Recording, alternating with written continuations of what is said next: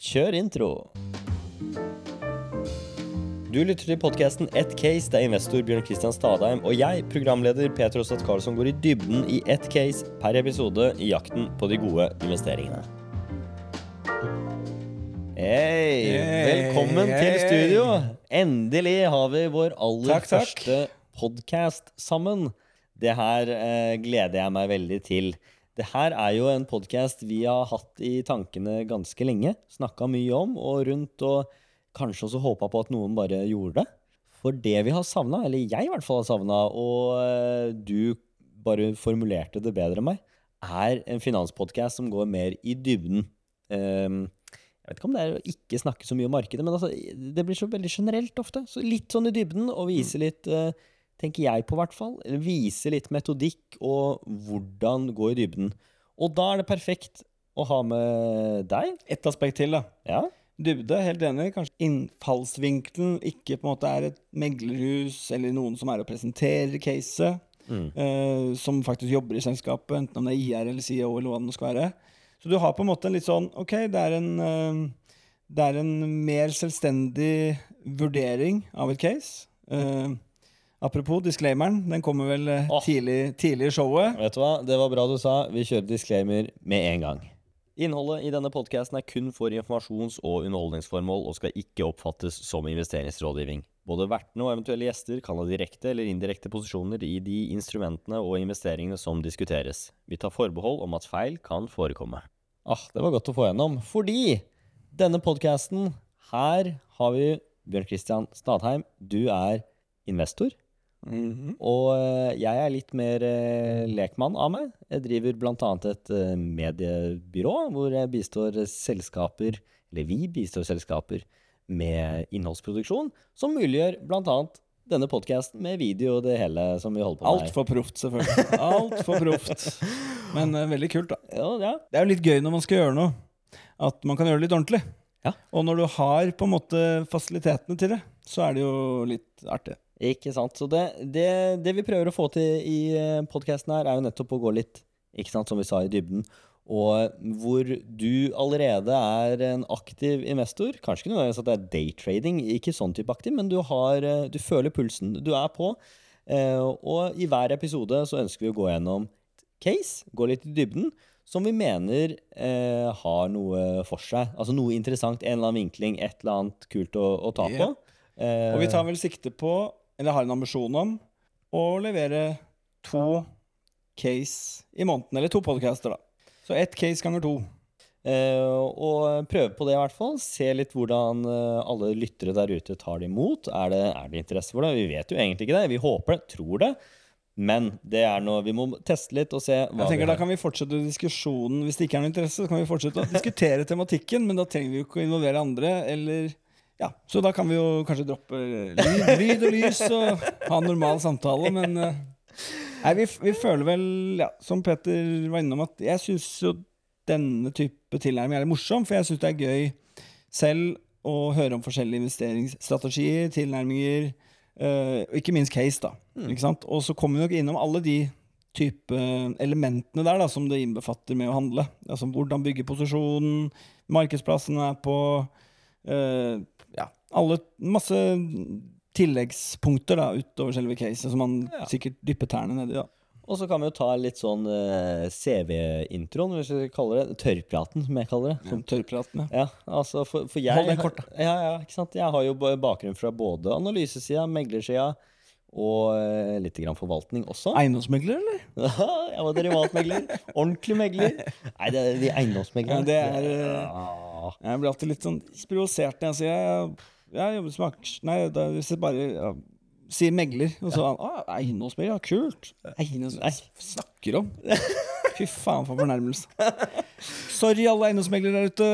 Men det er facts. Og du, BK, du, det er vel åttende året du er egenrådig investor og holder på å få egen bok, men før det så har jo du også en eh, finanskarriere. Hva, fortell helt kort hva du, hvor Ja. du kommer fra, eller hva du gjorde. Ja, nei, jeg har jo vært aksjemegler, vært obligasjonsmegler, eh, så har jeg jobbet med næringseiendom.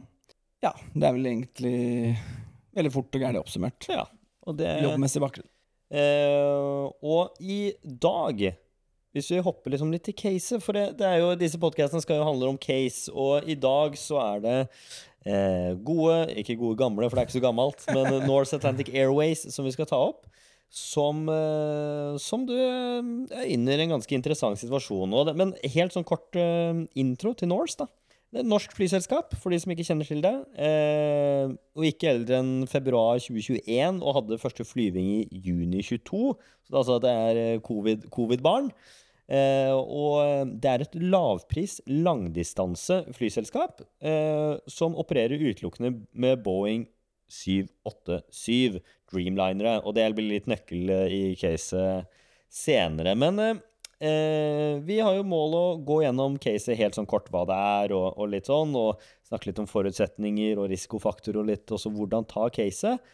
Så hvis du starter med hva Én eller to setninger, BK. Hva, hva er caset? Slik jeg vurderer det, så er, eh, er det en klar eh, divergens, og muligens da en stor oppside, i at det er en mye større sannsynlighet for at dette selskapet blir tatt av børs, kjøpt av børs, rett og slett. Um, enn det som synes å være tilfellet hvis man ser mot uh, mot kursen. Så en, eh, en, uh, altså en oppkjøpskandidat, rett og slett, med litt Definitivt. oppside?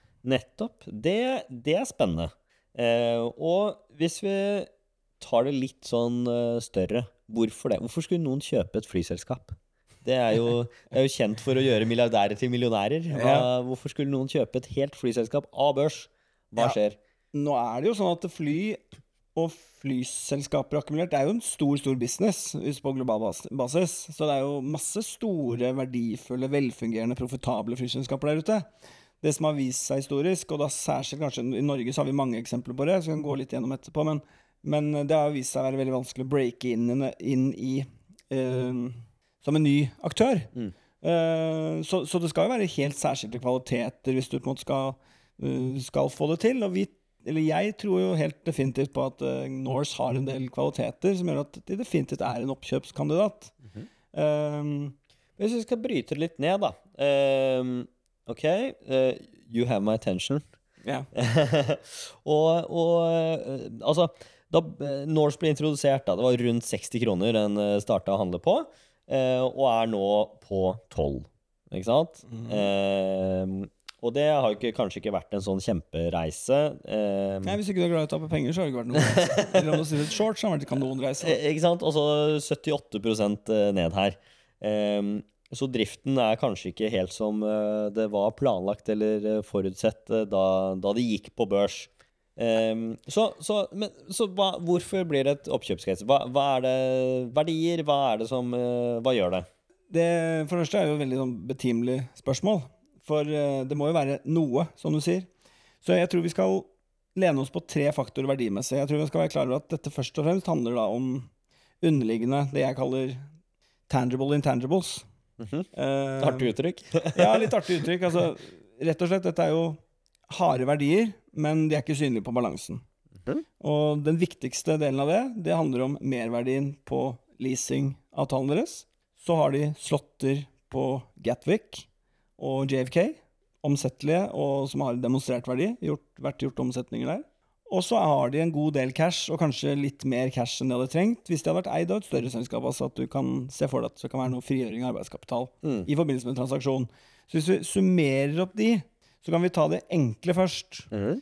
Uh, slottene, der har det vært omsetninger som skulle tilsi at en ganske fair value på de er 50 millioner dollar. Ok, så, og dette er da uh, rettigheten på flyruter, eller? Hva? Ja, det er egentlig slottene. Altså, det er jo når du skal um, Altså, du Det er jo på en måte konkurranse om slåtter fordi at det er attraktivt å kunne tilby flyreiser innenfor de og de periodene. Mm. Disse er da omsettelige fordi at man ruteplanlegger og setter opp dette her. Um, så flyselskapet handler ruter fra hverandre? Ja, så blir det på en måte en commodity. At liksom ja. de handler med hverandre, på en måte, og gjøres da omsetninger. Um, rundt det. Og det er jo da også rettighetene til å bruke flyselskapet og flyselskapet som et ressurssenter i forhold til å og, altså, Du trenger en flyplass. Skal, mm. Det er vanskelig å bare sette opp noen fly på det jordet, på en måte. Og ja, altså, tro at det kommer kunder. Så 50 millioner dollar der, og det, det, det er basert på, ja, det, det, det, er jo det jeg, har, det jeg har snakket med av folk som er sånn omtrentlige verdier, og, og det har jeg også sett konkrete eksempler på. Så i min ballpark-beregning, og jeg mener at det, det kommer jeg litt tilbake til liksom senere også, men i utgangspunktet så holder det Det er godt nok datapunkt til å liksom Ok, check. Da går vi videre. Hva er det andre ting som, som representerer en verdi her for en mulig oppkjøper? Cashen også likeså. Nå hentet de jo var det 650 millioner pluss reppe, men så er det 700 millioner. De hadde en ok cashbalanse, men ikke minst så hadde de mye fordringsmasse. Mm -hmm. Så må huske på at gjeldssiden eh, Hvis du går inn på balansen, da, så er det sånn at gjeldssiden her er jo bare leasingforpliktelser. Så de har ikke noe rentebærende gjeld. Ok, Så det, det, det er Så det du har av cash mm. utover det du trenger i arbeidskapitalbinding, det kan du si er på en måte noe du får betalt for. Da får du en en dollar for en dollar. da. Mm. Så det er ikke noe premium, men det er bare sånn du må prøve å Men Bare for å forstå balansen her, for det, det, det betyr da at eh, de, de, skylder ingen eh, altså penger som de skal betale rente på, men de, de, men men de leier noen eh, fly som, som, de har en leasingavtale som de må betale på. Er det sånn å forstå? Ja, det er helt riktig. Og i forhold til IFRS-bokføringen så er det sånn at leasingforpliktelser, på samme måte som um, leieavtaler og andre ting som du har en, en um, forpliktelse å betale fram i tid, det skal jo da bokføres som en gjeld. Mm. Men om vi, rentebærende er det jo da ikke, og da du, avskriver du det på vanlig, på vanlig praksis. Så, så, så, det er jo litt sånn forstyrrende å se på balansen der. Mm. For den ser jo ikke nødvendigvis så veldig bra ut. For at du avskrivingene gjør, Det er en ganske hissig avskriving, men det er non-cash item. Mm. Så rentene, det, det de betaler, er én ting, men nå er avskrivningene da høyere enn en, um, en det de faktisk betaler. da. Sånn at, og hele argumentet, og det kan vi jo gå i detalj, skal vi ta litt mer sånn konkret på regnestykkene og bakgrunnen etterpå, men hvis du forutsetter at det er en merverdi, mm -hmm. ikke sant, da skal du jo da, Hvis det er forutsetningsvis at det er en merverdi i leasene, okay. så er jo det en asset. Og da står jo den prinsippet feil i balansen. Ja, det må vi bryte litt ned, for den tror jeg ikke alle lytterne tar på uh, første setning. Så Eh, Men hvis vi er enige om at altså for, forutsetningsvis Nå er det jo jeg som blir, får anledning til å presentere caset. Da blir det åpenbart mine meninger. Det er veldig viktig å påpeke. Mm. Uh, så, så, da tar jeg den forutsetningen at uh, i mitt regnestykke så kan man si at det er kanskje litt offensivt, men jeg mener at det er rimelig konservativt. Det er i hvert fall fair å anslå at det er disse 50 pluss 50. Så kommer vi Altså både slåtter og, og frigjøring av arbeidskapital. Og så, når vi tar, så må vi ta egentlig verdien, eller merverdien, da, for det er det vi diskuterer. Mm -hmm. um, du kan si Verdien isolert sett, når det er et flyselskap og leaser inn fly, det er jo at du har en fast kostnad. Det er leasingkostnaden din. Mm -hmm. uh, for eksempel så La oss anta at uh, et fly på en flåte på 15, så vil du hatt en running cost på La oss anslå med 15 millioner dollar i måneden for å leie de. Ja, Så du betaler 15 millioner dollar for å lease disse ja, 15? Og så må du fylle opp dette med crew, og så må du selge billetter. Og ut ifra det så har det kostsiden din, i tillegg til fuel, selvfølgelig. Uh, og det er kostsiden din. Inntektssiden din er jo betalte billetter. Så verdien da av et flyselskap som ikke eier flyene selv, som, men som leaser det, det kan du ha en kombinasjon av. Du kan ha ene eller det andre. Eh, verdien er jo da åpenbart i et going concern-perspektiv det er jo at selskapet skal generere cash og positiv drift og positiv kontantstrøm. Mm. Det er jo ikke tilfellet i Norse så langt. Mm. Kanskje man kommer dit, kanskje ikke. Men nå er jo Så driften er negativ. Vi har da eh... Veldig viktig å påpeke det òg, at uh, selskapet er jo utrolig ungt. Ja. Så det er jo Og veldig mye av, mye av kostnadene som er tatt, som er regnskapsmessig kost, er jo ting som egentlig er å anse som investeringer. Det mm. koster jo penger å trene opp crew og klargjøre fly osv. Mm. til å drive operations. Og du trenger alle disse godkjenningene av AOC-en osv. Så, så Så det er jo en lang rekke kostnader som du må bare inkorporere mens du starter opp. Men jeg blir helt sånn, jeg må sette meg nesten litt sånn fram i stolen her. Uh, for det, det, det, det, For recap, ikke sant? det var da 50 millioner dollar i verdi på de slottene. Mm. Og så var, var, det 50 til på altså verdien av den frigjorte cashen av um, av, ja, cashbalansen i selskapet i dag. Det er jo et cirkatall. Ja, ja, ja, ja. Eh, så det er cash-balansen. men du nevnte også med arbeidskapital. Er det inni, inni det regnestykket med de 50? Bedrede arbeidskapitalforhold for en ny? Ja, det er jo det som blir frigjøringen, da. Okay. Det det for der eh, Jeg leste noe om at Norse slet litt med Visa og Mastercard. Er det i mm. forhold til det, eller? Ja, det er i forhold til det at hvis flyselskapet har en veldig god track record og holdt på lange, lang tid med operation, så har de mye bedre og lavere kredittid. Hvis du flyr fly, så må du fortsatt betale jetfuel, du må betale lønninger osv., så, videre, så får du ikke da betalt eh, i forkant av. Og spesielt så er jo det en tung periode for de sånn sett, arbeidskapitalmessig, er jo de perioder hvor de har negativ kontantstrøm, for de har dårlig fyll på flyene, Ja. som er jo som er typisk for flybransjen generelt. At du har liksom et veldig sterkt Q3, uh, OK Q2, og så er Q4 ganske dårlig, og Q1 ganske svakt. Så målsetningen til alle flyselskap er jo å minimere tapene, kanskje gå bare marginalt til pluss i Q1, Q2, og så tjene bra med penger i Q3, og så gjøre det through the roof i Q4. Men dette er da, altså, dette er da eh, tiden det tar for flyselskapet å få pengene fra eh, Visa og Mastercard som kundene har betalt for kjøp av flybillett. Ja, riktig. Det er den, eh, og, og, og, og store flyselskap med god track record eh, får de mye tidligere. Mm. Og små selskap må da kompensere med mer arbeidskapital for å drive sjappa. Ja, nødvendigvis, da. Mm. Nettopp. Det, det er jo en interessant teknikalitet som eh, Det er ikke nødvendigvis man tenker på det eh, som en stordriftsfordel umiddelbart. Eh, men OK, så vi har jo da Det er jo nesten så vi må skrive opp her. For vi har, sant? det er ikke så tungt, dette her. Det er, det er det er tre ting å tenke på. Ja. Og så kan vi si at nå kan vi legge på en måte den arbeidskapitalen. Vi kan ta debatten på det, holdt jeg på å si, vi kan diskutere premissene rundt det, men nå føler jeg vi har gått nok i dybden på det. Det er liksom Ja. ganske kjapp avsjekk hvis du skal se verdiene.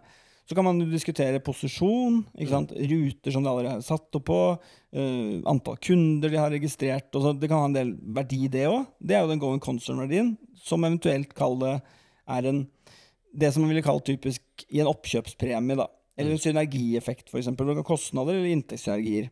Men rosinen i pølsa, og det som er verdt å bruke tid på det caset her, det er jo at det er en veldig spesiell situasjon som har oppstått i flybransjen. Okay. Og det har også direkte relasjon til når disse flyene ble bestilt. Hva var renten når de gjorde det? Og hvordan så flybransjen ut på det gitte tidspunktet? Ta, litt- ta oss gjennom den historien men det, er, der, det er jo litt, Hvis vi ser litt skjematisk altså, Bakgrunnen for at dette ble etablert, var at det, var jo massedød blant flyselskaper, og mange ble restrukturert. Mange ble jo forsvant i på en måte dragsuget eh, under pandemien. For flytrafikken stupte jo. Eh, mot slutten på pandemien så var det, jo, var det jo da usikkert. Vi visste jo ikke, ikke du og ikke jeg og kanskje ingen, når dette skulle på en måte tilbake back to normal. Dermed så, så jo Bjørn Tore Larsen og gründeren en fantastisk mulighet her til å tenke litt kontrært. Og når det ikke var noe interesse for å kjøpe eller overta fly, og flyleaser, så, så ble jo prisen deretter. Ja. I tillegg så husker vi jo også at renten var jo praktisk talt null i hele verden under pandemien, og kom jo raskt opp et, etterpå. Men komponentene av leasing, det er jo selvfølgelig underliggende verdi på altså etterspørselssiden. Den, altså det blir jo på en måte det implisitte verdien av flyet hvis du skal selge det brukt, da, for å bruke en analogi. Så prisene fluktuerer. Eh, samme tankskip. ikke sant? Det er gode, veldig gode tider, flysene er høye. Veldig dårlige tider, dårlig pris på det. Og så har du ratebildet som definerer om det er bra eller dårlig. Eh, litt det samme her. Dårlige tider for fly, dårlig pris, det betyr lav eh, hva skal jeg si, grunnpremie eller eller på en måte den implisitte verdien av flyene i lease-elementet. da. I tillegg til det så er det et rentekomponent, cost of capital, og den risikofrie i den perioden var null. Så beregningsgrunnlaget, da, hvis du skulle alternativt fundet dette her med å gå til banken, vært, og du hadde gjort akkurat den samme strukturen, så hadde det vært det samme som at det Norse egentlig gjorde, det var at de kjøpte flyene på absolutt bunn, Mm. så låste de renta på 1 etter margin, eller kanskje halvannen da, etter margin, Mm. i 13 år frem. Ja. Det er jo det de gjorde. Ja, fordi de tok da leasing eh, Altså leasingavtaler, og det her var vel også Norwegians eh, gamle fly, eller det som Norwegian hadde flydd med, eh, og fikk da de eh, 15 fly. 15 fly, og på utrolig gode rater, da. For det var Ja. ingen tagere på Nei, jeg skulle si at det, Dette er jo dynamikken i ethvert marked. altså om Visste de hvor god deal de gjorde? Ja, de hadde en følelse av at dette var en god deal. Um, ja, dette her er jo ikke sånn som jeg oppfatter det. Jeg er ikke noen flyekspert, jeg er en generalist Ja, altså på alle mulige måter. Men uh, jeg har jo prøvd å lese meg opp og forstått litt på det. og er jo, Her er det sikkert en fordel å ha noen connections inn til eh, altså mm, flylysselskapene. Det er ikke det samme som å gå liksom til en eller annen uh, mot, eller hva skal jeg si, bilforhandler og formleasing, sånn leasing som standardprodukt. Det er jo litt sånn, Her er det jo tunge forhandlinger, dette er en stor avtale. Men i ettertid så har det vist seg å være en fantastisk business. Ja. Og hadde Norse, eller hadde det vært et etablert selskap som hadde gjort den dealen her, så hadde man helt sikkert sånn at det er massivt value accreditive. Utfordringen med Norse er jo at det er veldig vanskelig å se hva er det som er oppstartskostnader, og hva er det som er rene kostnader. Når skal de på en måte få nok, stor nok fyllingsgrad i snitt til at de tjener mye penger? I tillegg så har de jo sånn nota bene på det. De kjører jo en sånn strategi med at de ikke hedger noe på drivkostnadene. Eh, sommeren i fjor så var det veldig veldig høye fuel-kostnader, og høyere enn det de eh, trodde. Og, og det var en sånn særegenhet, for én ting er oljepris, men så er det jo også på, på raffinerimarginer. De varierer litt. Og der var det også særskilt høye raffinerimarginer, så det var veldig dyr fuel. Det betyr jo også at, eh, at det gjør noe selvfølgelig med marginbildet deres. Ja. Men de her slottene, da, for det eh, Eller ikke slottene. Jeg Nei, mener, nei, for nå, nå, nå, nå, nå, måtte jeg stoppe Nei, deg, nå tar vi ikke mer slåttediskusjon. Nå må vi komme oss videre. Lis, li, li, lisene. lisene. Fordi de fikk jo da de veldig billig, eh, og det er faste avtaler i Var det 13 år du sa, eller hva var det du nevnte? Hvor, Ja, altså, jeg- hvor lang er avtalene? det- Gjenstående nå er vel i overkant av 11 år, men tiden løper jo. Eh, du kan si at eh, sånn implisitt så ligger De har vel fått disse på rundt 500 000 dollar dagen. Wow. Ja. Så er det Eller måneden? Ja, 500 000 dollar per fly per, per måned. måned. Altså Ja, 6 ja. millioner dollar, som da blir akkumulert 90 millioner dollar for hele flyflåten, og så ganger du det med gjenværende tid. Det er enda litt lavere enn det, faktisk. Kanskje 450. Wow. Verdien er jo da differansen mellom hva en markedsaktør måtte betalt for å fått den flykapasiteten i dag, Ja. Og det de faktisk betaler, har en kontraktual rettighet på å drive det. Mm. Uh, så er det jo klart at uh, det er noen spørsmål som stiller seg, men vi kan ta det første først, som er det aller viktigste. Hvordan, hvorfor, den Merverdien, hva snakker vi om da? For det første så må man jo nåverdijustere det. Mm. Og i de kalkulasjonene som jeg har brukt, så, og det har for så vidt selskapet også brukt, for de har jo presentert dette her, så det er ikke sånn at Altså, det har vært muligheter å liksom vurdere, og de har påpekt det selv også, uh, at det er en merverdi der. Så kan du si at den er jo en teoretisk verdi inntil den verdien kommer til syne. Og som et going concern, da, det betyr eh, altså at så lenge selskapet er i operasjoner, så vil jo det være en cost advantage. Altså Hvis du og jeg hadde startet flyselskap, men jeg starter ett år før deg og betaler 500 000 i måneden i leasingkostnad på et fly, og du betaler 1 million, så må du dele det på antall billetter du omtrent selger, så betyr det at jeg alltid vil ha en kostnadsfordel. Så vi kan selge billettene akkurat like billig, og jeg kan tjene penger, og du kan faktisk tape penger. Så det er, jo det, det er jo derfor dette er viktig. Og, og der er vel også i flybransjen, som er så prissensitivt, at det er, klarer du å være litt billigere, så Ja, fyller du. Nei, og de, er jo de, er, de er jo, ligger jo lavest på kostkurven, by far. Fordi at de flyr jo den, de eh, veldig fuel-effektive altså fuel fly. Ja. Og i tillegg til at de har en, en De har jo lite management, de er jo et lite flyselskap på alle mulige måter. Og de er veldig opptatt av det. Liksom, det er mantra at det skal vi skal drive effektivt. Vi skal kunne ha den cost advantagen, og det er det vi skal beholde. Så det er den strategiske posisjonen, og den tror jeg en del syns er interessant. Men, eller interessant å se på, både av finansielle aktører og for så vidt industrielle aktører. Det som er jo det store spørsmålet, det er hvorvidt kostnadene å få dette i gang, og på en måte starter fra scratch, liksom hvordan rekruttere kunder, hvordan bygge merkevarekjennskap, hvordan rekruttere riktige flycrew og beholde, beholde de. I det hele tatt, er det sånn at det å fly transatlantisk, eksempel, eller interkontinentalt, er det i det hele tatt noe som det skal være så mye priskonkurranse på, eller er det sånn at folk er egentlig ganske happy med å betale 40 000 for en flybillett til New York, så lenge du kan fly business med SAS? Det, det er jo en diskusjon, og det, så lenge det, hypotesen er jo ikke bevist, men de ser jo ganske oppmuntrende salgstall. Ja. Og så er det jo backdropen, da. Og så skal jeg ikke bruke masse tid på det. Og nå skal vi snart komme inn på de beregningene igjen. Men jeg må bare ta det, ta det poenget ferdig. At eh, en, en veldig viktig backdrop her, det er jo at selskapet, som du var innom tidlig, de hentet 1,3 milliarder i første omgang. Og så har de jo, i deres businessmodell, så var de one and done. Ikke sant? De Ja. hadde flyleasene. De var kapitalisert. De var ferdigkapitalisert. 1,3 milliarder er jo en ganske stor sum penger, tross alt. Men det var ikke tilstrekkelig. Og så har de hentet penger i to ganger til. Så nå, så er det sånn ballpark-ish, så har de vel hentet nå nærmere 2,5 milliard. Ja. Og selskapet har en markup på underkant på 1,6. Ja. Og resten er jo tap. Og så er det litt avhengig av når du har kjøpt, kommet inn, da, i forhold til hvordan reisen har vært. Men har du kjøpt da på den dyreste emisjonen, så har det selvfølgelig vært en så vi snakket om innledningsvis dårlig reise. Ok, Og så over til uh, freeleasene. Jo, så det, man, det jeg har brukt en del tid på, det er å se på ok, um, hva er markedsprisen i dag? Og der er det ikke noe så lett å finne quoter. Altså, det er ikke noe, dette er ikke noe eh, det- dette er ikke tanktransparens, på en måte. Eller at du bruker eh, sånn som i, i, i andre segmenter hvor det er uh, Altså, det er jo forhandlinger, men det er litt mer sånn Du har en veldig god touch på hvor det ligger.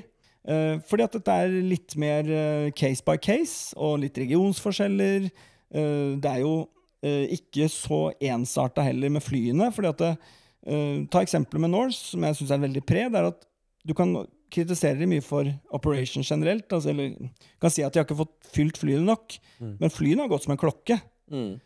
Det er jo selvfølgelig ekstremt positivt du skal ta over. At dette er fly som, eh, som Rolls-Royce da pga. tidligere motorproblemer selvfølgelig har overhalt til liksom på ekstremt detaljnivå. For å Og det husker jo, ikke sant? Det husker. Norwegian Ja, ja, var jo var helt forf- vilt mye trøbbel. Forferdelig for Norwegian, og forferdelig for Rolls-Royce som produsent av motoren. Mm.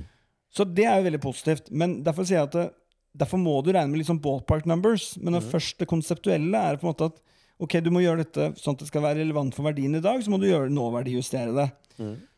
Sånn som strukturen er satt opp, jeg husker jeg ikke akkurat antall fly, jeg vet, i vekter så er det i overkant av 11 år, men de nyeste flyene har 16 års lease. Mm.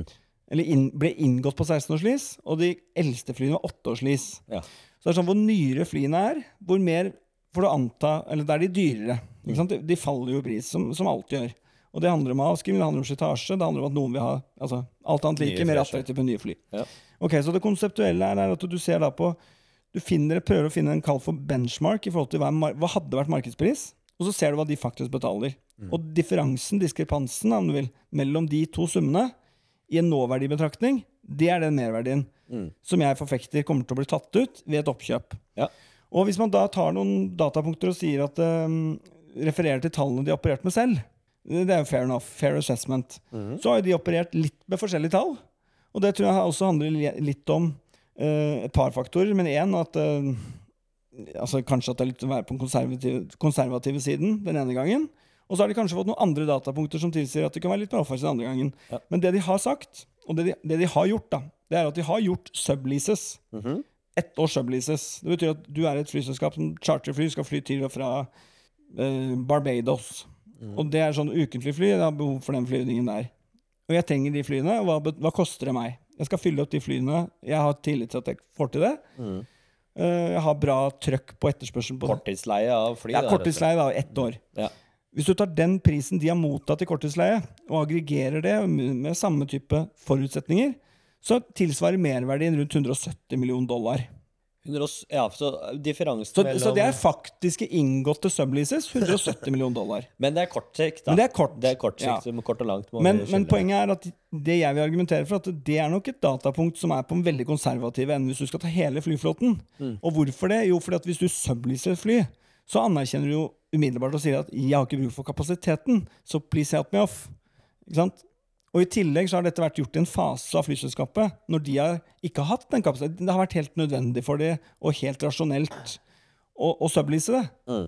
Mens hvis du er i en situasjon hvor du trenger flyene selv, eh, altså i, i prinsippet, og de planlegger operations og planlegger for å selge billetter sånn at de trenger alle flyene, så mener jeg at du heller må se på andre sammenlignbare dealer, hvis det er mulig å finne, finne, ja, finne det, da. De sublistene, altså vi nevnte jo, eller nevnte jo 450-500 eh, 1000 dollar Ja. per måned på å lease de, de flyene. Hva, hvilke rater, hvis, hvis det er det det heter, i, eh, var det disse subleasene var på tilsvarende måneds... eh, Nei, det var vel rundt 700, 7 et eller annet nå i den duren der. Ok, 700. det, dette er tall de ikke har gått helt ut med, de har bare snakket om Ja. måte, på aggregert nivå. Okay, Det er litt okay. sånn, De vil jo helst ikke at det skal snakkes så høyt om noe som helst her. Ja. Eh, men det kan du selvfølgelig regne deg helt eksakt eh, implisitt fram til. Ja, 50 ballpark, ja. Ja. Men, men ikke sant? igjen så er det sånn at eh, hvis du går tilbake til pre-pandemic levels, ja, det er interessant. Og det, ja, så, så kommer jo disse riktignok da helt nye 787 uh, Boeing Dreamliner-flyene. Mhm. Da kommer de fra 1,1-1,2 millioner dollar i måneden leasingkost. på long term? Ja, det er long, altså, alt er long term. Utenpå du bygger Wow. Altså, da er vi jo eh, over, altså, godt over dobling, da. Ja, hvis du, hvis du har utgangspunkt i 950 000 dollar dagen, uh, sånn omtrentlig på fra dagens tidspunkt, um, og diskonterer det til noe, så er det, snakker du røftlig 400, tett opp mot 420 millioner dollar. I merverdi på bare leasene? Ja, det er merverdien. Det er differansen. Ja, ok. Men det, det tallet bare sånn, det er jo høyere enn det de selv har operert. De har operert Ja, ja. med alt fra rundt 300 til Men det er jo også 380. betydelig over, eh, over børskursen. Da. Altså hvis vi regner en eh, Si, si 4 milliarder kroner, da.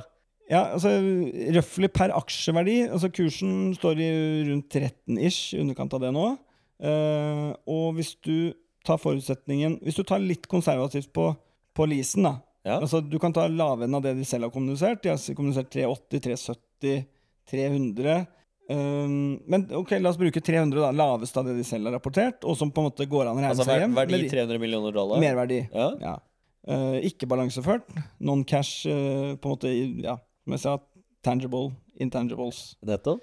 Um, så 300, og så legger du på de 50 for slottene og 50 for frigjøringa. Så kommer du jo til 400 millioner dollar. Ja.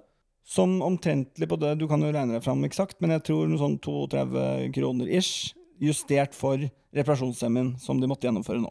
Nettopp. Det betyr at liksom i et Om det er et blues I det scenarioet så har du sagt at ja, dere får ikke betalt for crew-utdanningen, eller at dere har faktisk eh, Crew og crew drift. og drift. Dere får ikke noe betalt for positive synergier i det scenarioet, men dere får betalt. Og derfor kan du si, ta det som et fair Kall det en fair assessment på en fair vurdering, da. Eller verdivurdering. Mm. Det tenker jeg som en sånn base case. Det som selvfølgelig gjør det interessant med det, er at jeg mener jo at Mm. Det er vel ikke akkurat rakettforskning å påpeke da hvis mm, det underliggende sett er verdier og i en transaksjonsøyemed at en fairpris kunne vært opp mot si 32-33 kroner, Mm. og så er kursen bortimot en tredel av det. Litt mer enn det, da, men uansett 20 kroner under fair value, Ja. som tilsvarer liksom 180 bid premium eller hva det ville vært, så er det vel kanskje lett å argumentere for enten så tar jo jeg skammelig feil, det Ja. kan jo fint være, eller så tar jo markedet feil fordi man priser sannsynligheten for en deal for lavt. Det er jo sånn at den, hvis, hvis de verdi, det er jo sånn med altså, Vi har jo vært gjennom en rekke oppkjøp på Oslo Børs bare den siste tiden, føler jeg. Altså, det, det har jo vært ganske mye av det. Mm. Og da har det jo vært litt differanse på børspremier. Eh, så noen ganger 30-40% Ja, for det, det, det var litt egentlig mitt neste spørsmål her nå. At eh, ok, eh, da sitter vi med et selskap. For det, det vi egentlig snakker om her nå, eller valuen her, er jo i form av et asset play. Og, og så har man en drift som enn så lenge har vært negativ, men som du påpeker, så er det, det er kanskje investeringer som blir kostnadsført, altså f.eks. opplæring av crew. Eh, men det finnes jo en drift der også. Men ok, la oss bare for case, eller for liksom negativitetens skyld anta at det er, eh, har negativ verdi, da. Driften har egentlig negativ verdi, men, men assetene har en, en soleklar premium. Så kommer jo spørsmålet Ok, eh, men er, er oppkjøpspremien Altså, en, en 40 opp eh, budpremie er jo ganske saftig for kanskje mange investorer. Mange investorer hadde kanskje blitt glad for det. Men hvis vi snakker nærmere 300, er det reelt? Har det skjedd i det hele tatt? Ja, det har skjedd. Uh, og interessant nok så har det skjedd uh, altså På 300 er det jo ikke, da, men det er underkant av 200. Men uansett. Ja, det har vært noen ganske saftige budpremier faktisk på flyselskap. Okay. Og som har vært større størrelse, men betydelig mer handel og måte, mulighet for riktig pris. Så det støtter meg jo i den hypotesen at det faktisk kan, kan skje. Og jeg syns jo at hvis du hadde endt med Det er en annen tilnærming her også, så jeg vet ikke, det får jo noen andre svare på, for jeg har ikke giddet gjort matematikken i det. men det er vel ikke noe sånn kjempe-upside til Bjørn Tore Larsen hvis han selger på 20 kroner heller? Og sånn, ja. Så på hans Ja, men det eh, har jo så mye å si. Det er jo, du har Scorpio-familien, som han nå har kjøpt seg opp til å bli største aksjonær. Og så var det founded, og Bjørn Tore Larsen har puttet masse penger i det. Ja. Og det må jeg bare si bare sånn eh, som en nota bene i seg selv. Altså for en utrolig triv, trivelig kar. Mm. Og for en kul liksom sånn tilnærming, liksom eventyrlyst, og prøve å få til noe som utgangspunktet kan være veldig veldig spennende, men som også han er veldig, veldig tydelig på er veldig veldig risikabelt. Mm. Og det viser jo historikken med flyselskap. Nå er det også sånn at det er noen flyselskap, og det glemmer man jo litt. Altså, alle kjenner til den letteste måten å bli millionær på, er å milliardær og så kjøpe flyaksjer. Og hvis du ser på norske og nordiske forhold, så stemmer det jo spot on. Ja, ja, ja. Norwegian så ut til å bli en suksess. AIG skulle vel kjøpe det i hvert fall to og en halv ganger investert kapital. eller noe sånt. Og Bjørn Kjos kunne blitt ordentlig rik. Mm. Og så bare fada det bort. Og så ble jo historien den det ble. Så kom pandemien, og så var det over og kaffegrut. Ferdig. Så Men det er jo det er egentlig ganske interessant take, da, for det vet du kjøpere at uh, hvis de skal få Det er gründeren til å selge, så, så må de over da 20 kroner, da. Og kanskje nærmere 30. Ja, da. det, det blir uansett spekulativt. For poenget er at det, det kan godt tenkes at han er kynisk nok på å si at liksom Hvis du kan få Husker jeg ikke akkurat antall aksjer, man sitter vel med 17-18% så sånn røftlig Hvor mye blir det? Si en røftlig 20 millioner aksjer, da. Mm. Bare tall, da. Si at uh, han taker det livet, han får 15 kroner i cash. Ja. Og så tenker han i sitt stille sinn at hm, skal jeg ta 300 millioner kroner og ta et lite haircut, eller skal jeg hoste inn på potensielt mer penger hvis det ikke går veien nå over de neste tre kvart årene, Ja. og så potensielt bli vannet ut, for jeg har en finansiell medpartner nå Mm. i Scorpio-familien som definitivt har masse penger. Mm. Men Ja, igjen, de må jo ha trua på det. Uh, hvis du tar uh, Flyr-analogien, alle husker Flyr var en kort stint innom Oslo Børs. Ja. Ikke sant? Det var jo uh, Bråten har jo også mye mer penger. Det var ikke sånn at han loppa seg på, på flysats, flyrsatsinga. Mm. Han gjorde et forsøk, men han satte en stopp på 100 millioner. Ja. Det, det var 100 millioner tap. Ferdig. Ja. Ga seg. Og så Likheten stopper omtrent Altså Det er ikke noen likheter i casene, sånn som jeg ser det.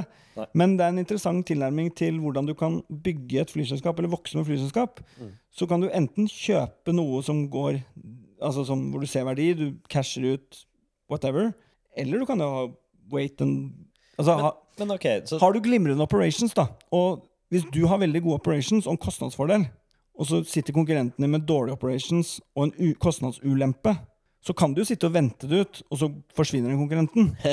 Ja, ja, ja. Det, ikke sant? det fins vel ikke et, et marked hvor, du, hvor på en måte Når det kommer sånn ugly-bugly nye folk inn og skal ta litt Prøve å enten skumme, skumme fløten eller liksom prøve å drive priskonkurranse.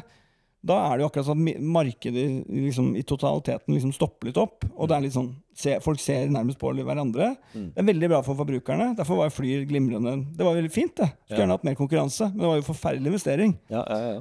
Men eh, eh, for det vi snakker om, er jo et oppkjøpscase her. Ikke sant? Og vi har vært inne på at uh, Kall det et cash bid, da. Ikke sant? Eller, eller, men, men, men sånne deals kan jo komme i veldig mange former.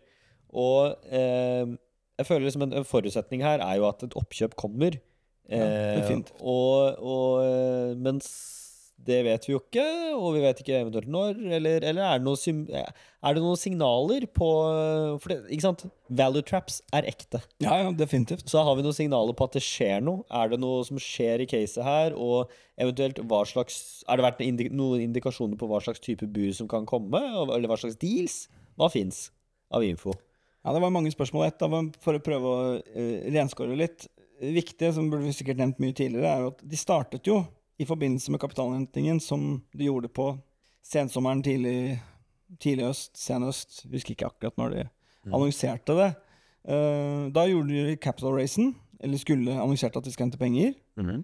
Eh, samtidig så startet de en formell prosess, såkalt strategisk review, strategic review, Mye bra har kommet ut ja, av de med Seabury, ja. som er på en måte det raffeste M&A og på en måte investment banking innenfor denne spesialiserte eh, industrien, da. Mm.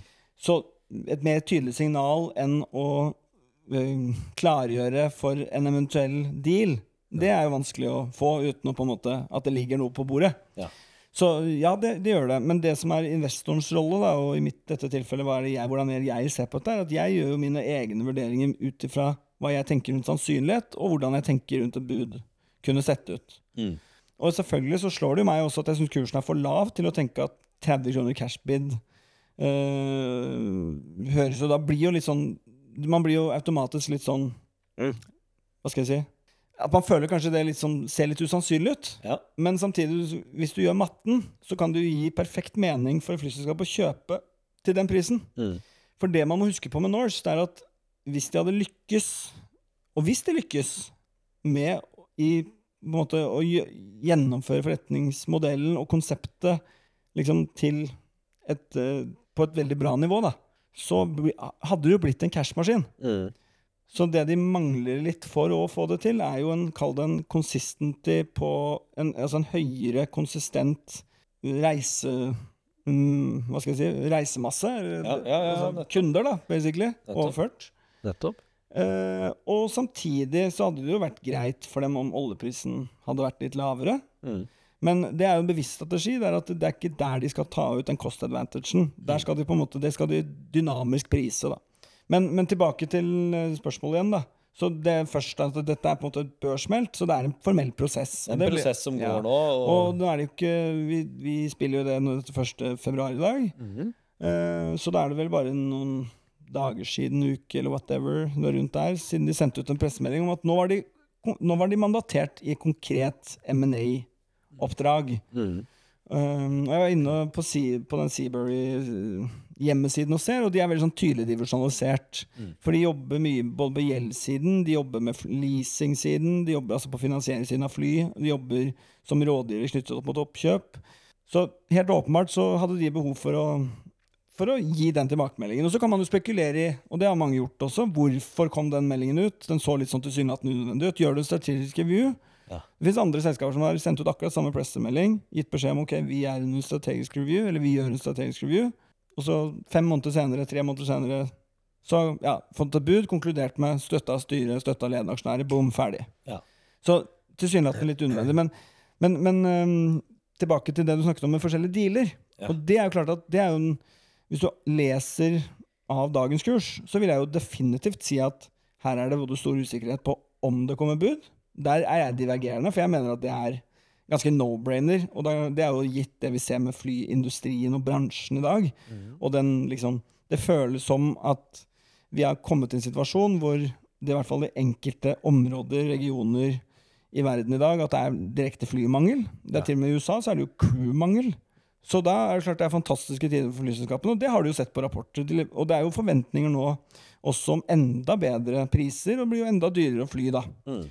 Så er det jo sikkert litt begrensa før dette begynner å få en Og makroøkonomi, ikke minst. ikke sant? Så det er jo en rekke sånn mitigerende eller motsatte effekter også. Men øhm, det er jo det ene elementet, og så er det jo da neste hvordan dealen skal se ut. Og der har du jo, i den kommunikasjonen de har hatt, så har du snakket om både partnere og muligheter for Og så kan du lese det enn at hvis det kommer et eller annet på banen som er appellerende nok for dem, som er verdiskapende for alle stakeholders her, aksjonærer, ansatte, den klassiske visa, så kan jo det selvfølgelig være noe helt annet enn et cash bid. Ja. Og det kan også være partial exit. Du kan se for deg at eh, du får en interessent som har lyst på mjølkeruta New York-London. Mm. Det kan være bare defensive grunner. De har kommet inn og pirka noen på nesa nok til å si at eh, du, vi taper faktisk penger vi på hver flybillett vi selger, sånn som ting er nå, for vi har gått litt sånn uoffisiell priskonkurranse, eller før så hadde vi fyllingsgrad på 92% Nå ser vi at den liksom toucher høye 80-tallet. Her trenger vi å gjøre noe. Mm. Det kan være én aktør. Og så kan de selge da det andre, altså den europeiske flylisensselskapet. da. Og begge ligger jo under Norse, da. Norse ASA. Ja. ja? Ja, for det er jo to selskaper som ligger under Det der, Det er egentlig det to være- flyselskaper i ett. De har to lisenser, og de opererer helt uavhengig i UK. Og det var jo bakgrunnen for at de hentet penger. Ikke sist gang, men gangen før det, så var det at du plutselig fikk da en beskjed om at eh, de måtte sette inn jeg tror 25 millioner pund på en escrow-account, altså noe sikkerhet, for å få den eh, godkjenningen, da. Fra UK-godkjenningen på å operere som et flyselskap. Ok, så det er mange ulike dealer, men hele caset her er jo et oppkjøp. Eh, og, og da glir vi jo elegant over på egentlig nedside her. Altså, hva er hvordan, hvordan Hvilke risikoer ser du? Nei, altså Først og fremst må jeg si at det ligger litt i saks natur, eh, sånn jeg kanskje uttrykker meg litt for bastant òg. Eller forsøksvis prøver jeg å se dette er litt risket. Igjen til denne risk and war-betraktningen som man gjør. Men jeg må jo si at det, som for meg så er det jo litt sånn åpenbart at det mest sannsynlig er en eller annen form for deal som vil være value accreditive, gitt at de største aksjonærene backer det. Ja. Og så kan det være høyst sannsynlig et oppkjøp, etter mitt syn. Men kan også innbefatte andre dealer. Det er sagt, så er det klart, det kan jo være at det ikke skjer. Det kan være enten at budene, implisitte budene, eller de budene, tilbudene, deal-forslagene som ligger på bordet, ikke er gode nok, slik at det ikke gir mening for de å akseptere det. Eller at Bjørn Tore Larsen og Scorpio øh, med familien der sier at nei, dette kjører vi på egen kjøl. Da mener jo jeg at det er en øh, risiko på nedsiden. Fordi at det er i hvert fall ikke en ting som jeg nødvendigvis ville vært aksjonær i. Nei. Um, for jeg har ikke noe historikk med å eie flyaksjer sånn, egentlig. For driftens skyld. Nei. Liksom. Skjønner. Eh, Så de, når du snakker om risikoaspektene, så da skiller jeg på deal, no deal. ja. Og så, skiller, og så vil jeg jo si at hvis du ultimately sier at hva er risikoen ved å være i et lite flyselskap, det er jo gigantisk. Altså, vi har jo nylige eksempler på at dette går i null. ja. Så da er jo risikoen skyhøy. Og Men- da, kan men du, da så da, kan du, da kan du dra inn alt. Da kan du dra inn markedsforhold, makro Du kan dra inn eh, altså one-off-eventer som pandemier, eh, Ja, ja, askeskyer altså Der er det jo tonn med, med risikoer. Men det er jo interessant å tenke på sånn i mitt hode For liksom, hvis man egentlig ikke vil eie driften, eh, så, så er det en tanke også at ja, ok, hvis noen skal kjøpe, de kan jo bare vente til eh, kursen har gått lavere, og så får de akkurat samme slottene, samme premiumen, eh, kanskje til og med billigere. Eh, så, men så har vi jo den eh, ja, vrien på det, at, at det allerede er satt i gang en M&A-prosess. Mm. Er, det, er det budgivere? Eller altså ikke Altså det, de, det Bjørn Tore Larsen sa, og eh, i forbindelse med når det ble annonsert at de hadde startet den strategiske reviewen, så sa jo han at det var på bakgrunn av to uavhengige henvendelser.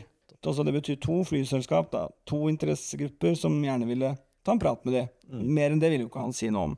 Og eh, det jeg har hørt, som er litt sånn rumors on the street, om du vil, Ja. er at det nå er fire aktører. Ja. Um, og denne prosessen ble startet i begynnelsen av november i fjor. Så da er vi jo snart tre måneder running, hvis jeg, min Ja, ja. datomatematikk er korrekt. Så om dette er sånn løp og kjøp-variant hvor eh, ting nødvendigvis skjer veldig fort, herfra og ut, altså at er det en uke unna, to uker unna, noen dager unna, who knows, liksom. Ja. Det det handler om, er at med en gang den dealen på en måte får nok support, så må den jo meldes. Og fra den tid så Og dette vil jo være en type case når det er gjøres i en med en dedikert M&A um, manager, da, eller altså investment banker uh, uh, Altså en strukturert prosess. Ja. Så vil jo, kan du forutsette at datarommene har vært åpne, og at det er gjort DD-prosesser tilstrekkelig. Og du kan også forutsette med at dette også er selvfølgelig Bjørn Tore himself og Skorpio-familien, som også er representert i styret, at de sitter på rattet og følger den prosessen. Så dette er både management, topp management. Nå er Bjørn Tore Larsen også CEO i selskapet. Så det er jo helt naturlig alle som. Nei, Jokke som. Så, så jeg vil jo tippe at når den dealen først landes, så er den veldig godt forankra. Og man kan godt tenkes at den er forankra hos større andre aksjonærer også. Men er det noe vi vet, så er det jo at det er veldig stor forskjell om det er én budgiver, to, tre eller fire. Ja, det, det, Altså fra alle ting i livet. Om det er eh, bolig, ja, for at- boligbudrunde eller eh, hva som helst. Ja, Det er jo veldig interessant, da. For at igjen da, tilbake til risikoen, eller liksom ta den der, Og jeg vet ikke om du har nevnt det heller, men altså vi har jo Du har snakket om at vi har en e-postadresse. Ja. Så hvis, et, et så hvis det, noe av misjonen her, eller håpet, er jo at folk kan svare. Så jeg liksom gjerne ta oss på feil, Ja, ja. og Er korrigere, eller eller bare kom gjerne med noen argumenter for liksom et helt motsatt synspunkt. Vi presenterer jo ett case som at vi i, prøver forsøksvis å gå i dybden på caset, men også at vi på en måte sier hva vi selv tenker. Og så betyr jo det at folk må jo selvfølgelig gjøre egne undersøkelser, egne vurderinger. Ehm, så det er jo et uh, Ja, og send oss. Har dere tanker, ris, ros, kjærlighet eller input eller hva som helst, egentlig, bare vil dere komme in touch, så post at ettcase.no. Ettcase med to t-er. Så uh, bare send oss en mail, så, så Ja, det- tar vi det. Um, men en, en liten interessant eh, seksjon som vi har snakket om at må være med, er jo hvordan ta caset. For nå, litt sånn oppsummert, det er jo value her, det har du forklart. Eh, altså det er en value asset case her. Eh, oppkjøp, si det er fair value på 32, men det kan være mange ulike typer dealer på hvordan den materialiserer seg. Så det er ikke sikkert alt kommer i cash på 32 eller 30 eller whatever. Så, og så er det jo nedsiden at du vil kanskje ikke eie driften av et lite flyselskap. Så hvordan posisjonerer du deg for noe sånt? Eller hvordan, hvordan, hvordan håndterer man denne type risiko som investor? Ja, øh, det naturligvis er utrolig individuelt, da. Men altså, punkt én øh, Dette er en sånn type case hvor du kan føle litt sånn urgency på at du må handle. Eh, oppkjøp er jo hot topic. ikke sant? Oppkjøpskandidater, hvis analytikere begynner å prate dette opp. Ja. En, så jeg føler ikke at dette er en sånn konsensus-trade, for å bruke det uttrykket, at alle sitter i den posisjonen, alle venter på det samme. Men åpenbart, er, hvis du ser på aksjonærlisten, så ser du det er mye måte, dyktige, flinke Uh, ja, både utenlandske og, og norske. Litt spesial, spesialistfond, blant annet. Litt sånn interessant miks som kanskje gjør at du kan bygge litt trua på at noe kan skje. Når du snakker om bygge eksempel en posisjon her, så, så, så er det jo sånn at det jeg har tenkt, da, det er at um, du har jo nye 6,9 millioner aksjer som kommer inn i markedet om noen dager. Ja. Uh, Det er jo velkjent. Det er da rep-emisjonsaksjer, altså reparasjonsemisjonsaksjene som kommer inn. Det er, de er handbare 5. Des, altså 5. februar. Det er jo 6,9 av 122, var det ikke det? ja, det er 122 millioner aksjer. Uh, Så det er jo ikke den kjempestore utvanningen. Men også og så er det jo det at dette er jo eh, velkjent, og de som da hadde hatt planer om å selge aksjene, scale av, på en måte finansiere kjøpet av disse nye aksjene med gamle aksjer, de kan jo ha gjort det lenge nå. For kursen har jo ligget uh, stort sett mellom 12 og 13 kroner nå de siste ukene. Den har jo dunka ganske Ja, Ja. akkurat der. Mm. Så, men, men det er jo en ting som man kan se litt på. Og så er det sånn at eh, det som er viktig å understreke her, det er at uh, her kan man jo si at Definere f.eks. at hvis dette drar veldig ut i tid Altså hvis vi, hvis vi tar en oppfølgingsepisode om dette over sommeren inneværende år, da. Ja. Og da har det gått liksom typ så lang tid at det blir sånn parodisk å egentlig tro at det kommer noe. da er nok jeg ute. Så i mitt hode, ikke at jeg skal sette en eksakt dato på det, det kommer jo litt an på de følgerne man får. De, få, de må jo måtte kunne svare og, og sånt, men du vil jo stort sett få standardsvar. Ja, vi, vi melder noe når vi har noe å melde, ikke sant? Mhm. Men uansett, altså at man definerer for seg selv liksom, når er det det mest sannsynlige hvis det skjer noe? Når skulle det vært? Og da vet man jo erfaringsmessig at noen dealer går veldig fort. Det ble jo sagt, jeg kjenner ikke til den dealen i detalj, men det ble jo sagt at når Lundin og Aker merget, eller Aker BP da kjøpte Lundin, så var det en deal som kom i stand veldig raskt, basert på mye tillit. Litt advokater, selvfølgelig, men veldig stor deal, og gikk veldig fort. Ja. Og det var fordi at det skjedde ting Eller de hadde Altså Lundin-familien tror jeg- ja, Poenget mitt er at det kan gå veldig fort. Ja. Og så kan det, det, kan det jo være at det går saktere. Ja. Og så kan man jo tolke det. Er det mindre interesse? Prøver de å skvise ut mer penger?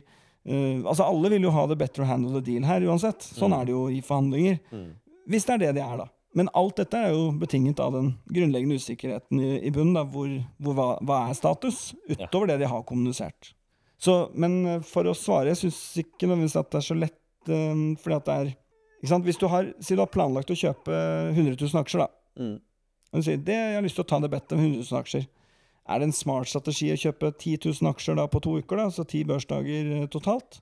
Det er jo en veldig dårlig strategi hvis første Hvis, hvis, du, kjøper, hvis, du, er kjøper, du kjøper på mandag, og så tirsdag kommer meldinga, og så sier du ja, hva, var- hva, hva var da poenget? Ja. Ikke sant? Ja. Eh, så du lever jo med den risikoen om at hvis ikke du er inne, så kan du være ute når det smeller. ja. Men jeg tror det er større risiko for at det smeller på oppsiden enn på nedsiden, sånn som ting ligger nå. ja. Altså, noe jeg tror er viktig, da, tilbake til det med istedenfor å tenke sånn Jeg skal kjøpe så og så mange aksjer, jeg skal bruke så og så lang tid på det. Sånn, som kan være veldig fornuftig strategi i veldig mange andre aksjer. Mm. Uh, stort sett så er det jo sånn at selskaper forblir jo på børs over lang tid, så det er sjelden at du det er veldig sjelden man er i en situasjon med en, med en aksje du tenker å kjøpe, og så blir den faktisk kjøpt opp. Mm. Det er veldig sjeldent. Så, hvis du, så det er den ene. Men det som er, er kanskje ekstra viktig, det er at det er noen signaler, det er noen morsomme ting å følge med på. Selvfølgelig nyheter rundt flybransjen, helt essensielt. Makrotall, sentiment, forbruker, alle disse tingene som kan på en måte dytte dette i en eller annen retning. Og nå, sånn som ting står seg, kanskje mest i negativ retning. Skal vi være vare på det? Åpenbart. En annen ting er, sånn som jeg bruker i hvert fall en del tid på hvordan det caset står seg nå. Det er å se hvordan er det med aksjonærlista. Det du ønsker å se her, det er jo fortrinnsvis smarte penger som kjøper, og gjerne presumptivt da dummere penger som selger. Ja. Og så er det ikke alltid så lett å skjelne forskjellen, og det er et skummelt poeng, men du har alltid en følelse av at det er noen som vet litt mer Mm.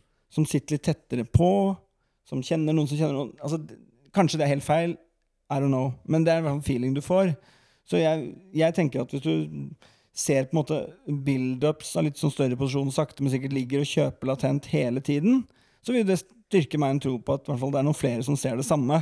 Og hvis det er definert som smarte penger, så bygger jo det, så styrker det min egen hypotese. Mm. Men eh, ikke sant? jeg syns jo snart at vi må ned for landing, er det ikke det man pleier å si i podkast-verden, Petter?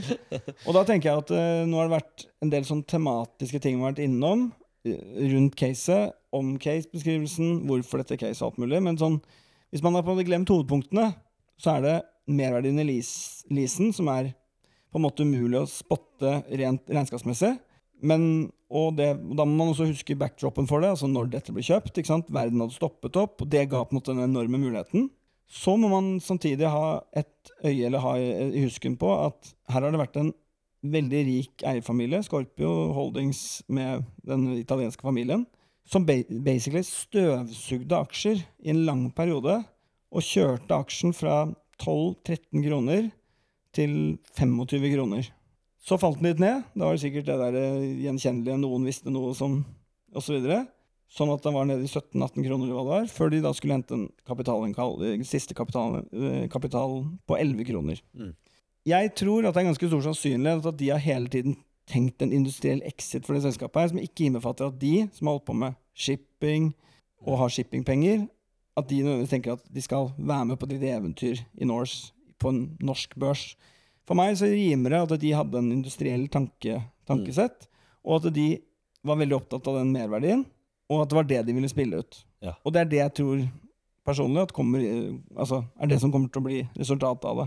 Og så er det da interessant å si at når du har Ja, det er et øhm, Det er en det er helt OK likviditet i papiret. Mm. Det er ganske lav free float. Det er ganske mye altså, satte aksjer. Men du kan jo ikke overta eller få til en deal her hvis ikke du blir enig med Bjørn Tore Larsen og øhm, Scorpio. Scorpio. Så hvis de sier 30 kroner, og en av de aktørene sier 'det kjører vi på', og tre andre backer ut, lekt litt med spillteorien, da, Ja, ja. så blir det jo 30 kroner uåkke som hva kursen handles i markedet. Ja.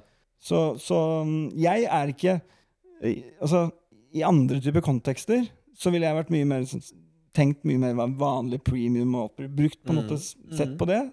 Tatt noen referanser. Vi har jo sett det på Oslo Børs, det er jo ikke så lenge siden det var noen av de oppkjøpene som var over 100% bid premium, Mm. all cash. Kort børshistorikk, lav likviditet, dominerende hovedeier. Boom. Altså, det kan skje. Det kan skje, ja. Og, og ja, det er klart at det som jeg syns er litt un... Altså Grunnen til at vi ville ta Norse, da, som gikk Jeg må være helt ærlig si, jeg syns ikke det er verdens kuleste case. Nei, ok. Nei, men jeg synes, det, det er liksom Det er 15 fly, det er flybransjen. Ja. Det er liksom Where's the, liksom, where's the juicy stuff, liksom? Det er ikke så mye av det. Men det er veldig kult med at det er norsk initiativ. Det er kult med Bjørn Tore Larsen. Det som derimot er veldig kult med det, det er at jeg tror at det er veldig sjeldent et selv, I hvert fall, Nå får vi se hva som skjer neste uke, nå, da. Men det er veldig sjeldent at det er en så høy likelihood for et oppkjøp som er såpass, mener jeg, da, etter mitt syn, ganske godt kommunisert at det er en mulighet til markedet, hvor det er så stor avstand mellom mulig oppside og dagens kurs. da. For Hvis du tar, et annet, hvis du tar noen eksempler, bare comes to mind, da. Meltwater. Mm. De meldte strategisk review. Aksjen gikk 40% Ja. Ja. ja. Og derfra gikk den videre. ja, ikke sant? Ser du, Hvis du kjøpte da dagen før strategisk reviewen ble annonsert, så fikk du sånn 120% i hele den perioden. Mm. Men her har det vært 11 kroner, litt premium, som har ligget vippa opp på 12 til 13. Bom stille. Så sier jeg at ja, du kan lese det på to måter. Enten så trodde folk at Meltwater kom til å bli kjøpt, og kunne bare stå i det, og hadde på en måte en ja, knowledgeable aksjonærmasse som Yes, endelig så skjer det noe. Nå, nå kan vi trykke på, holde og kjøpe og adde på. Og i tilfelle Norse, eh, vi er litt mer usikre om dette i det hele tatt lar seg materialisere, og hvilken pris og hvordan dealen ser ut, eller vil Bjørn Tore Larsen i det hele tatt selge, etc. Mm. Det er én måte å lese det på. Eller så er det å si at det er en kjempegod mulighet. Mm. En såkalt uh, asymmetrisk risk reward, Ja. hvor nedsiden din, i hvert fall med liksom aktiv stop-loss eller aktiv uh, holding period-tilnærming Så at det, liksom, innenfor tre måneder må det skje du er ute. Ja. Kategorisk. Mm. Kursen er 9 kroner, 11 kroner, 15 kroner. Jeg, men jeg skal sitte i den perioden. Jeg tar bettet på det. For da vil jeg argumentere for at når fair value er såpass mye høyere enn det du kan kjøpe på i dag, Mm. så gir det en veldig veldig gunstig risk reward-forhold. For du kan sette stopplåsen på, på 10 kroner Ja. Og si at uh, det, det får holde, det er det jeg tør å risikere. Men da har du hele tiden oppsiden at det kan i et blue, blue, blue, blue, blue sky-scenario bli et kjøp på 35-40 kroner. Ja, ikke sant? Må huske på et eksempel jeg sa i stad, så beregnet jeg med 300 millioner. Ja. Hvis markedet er der i dag, at de ser at det er pre-pandemic levels, flyproblemene, ok, kanskje nærmere 1 million dollar, 1 million og 50 000 dollar, Mm. snakker vi 450 millioner dollar, og så snakker vi legge på 10 kroner til per aksje, ikke sant? 13 millioner 40. Ja, ja. Who knows? Det er jo det som er spennende. Og, det, og, og, og forhåpentligvis så tror jeg vi får et svar på det. Timingen på sånt, veldig vanskelig å si, men vi har holdt på en god stund. Ja, det er veldig, veldig Jeg syns det var artig at du dro fram det caset der. Um, og det er jo litt kontrært, ikke sant? Ja, Det jeg er spent på, det er jo Altså, jeg føler du må ha sovet litt under en stein hvis du ikke har hørt om det i det hele tatt. Ja, ja. Men jeg tror veldig mange det er Antakelser jeg alltid faller, men det kan vi jo kanskje få noen tilbakemeldinger på. Kanskje. Som har satt det litt sånn i flyr-kategorien. Altså flyr som i flyselskapet flyr. ja. Det ble litt Og hva skummelt. ble det?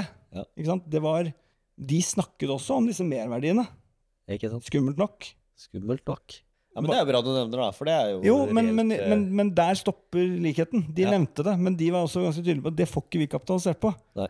Fordi det er der jeg sier at det er åpenbare forskjeller i hvor Altså det er ikke en, en, det er ikke en sånn rett ut sagt sånn ser en leasingavtale ut. Mm. Så Bjørn Tore Larsen, før, altså i forbindelse med børsintroduksjonen, han var jo mm, da, da snakket han jo helt åpent om og sa at i første omgang så tenkte vi disse må vi bare sikre oss. Dette er too good to pass. Mm. Men la oss gjøre en asset-transaksjon på det. da. Han snak, har til og med snakket om at det var tidlig, når de, folk så at «Å, det går mot en løsning, og folk skjønte de har gjort en fantastisk deal, som ville snakke med dem og prøve å kapitalisere på det. Da var de inne på tanken i et øyeblikk og liksom ta en kjapp gevinst. Så det er åpenbare forskjeller i de to casene, pluss at, og dette er en viktig forskjell, jeg kan jo godt mene at i forhold til min risikoprofil, så liker jeg gjerne å sitte der under, og helst da ideelt sett blue sky, at du treffer med caset ditt. da, At det blir en transaksjon, tjener gode penger, move on.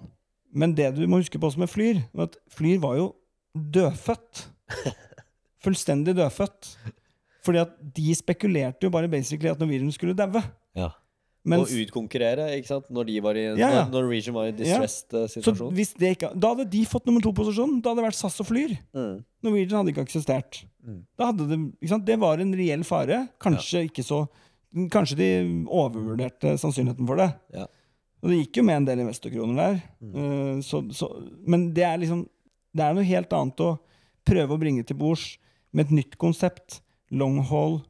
Langdistanse. Og, og eh, sånn on, for å dra den storyen videre, er jo altså Det er vel De tok vel over Altså Norse tok jo over fly eh, som leasingselskapet måtte kvitte seg med billig fordi Norwegian ikke en, lenger kunne ta de. Ja.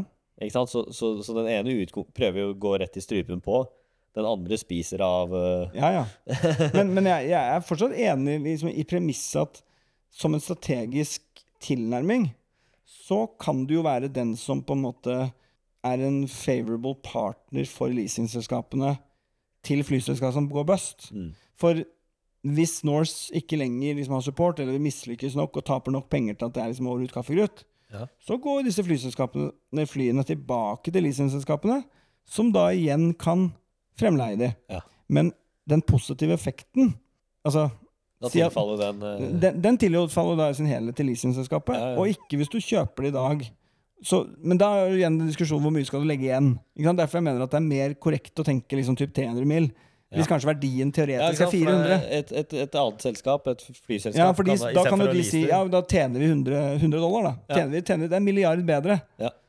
Men igjen så jeg tenker jeg det mest spesielle er at det, kanskje det aldri kommer inn i markedet, og de sitter short med de flyene. Mm. Og de mister på den opportunityen. Ikke sant? Ja. Det er vel more, altså mer sannsynlig, på en måte.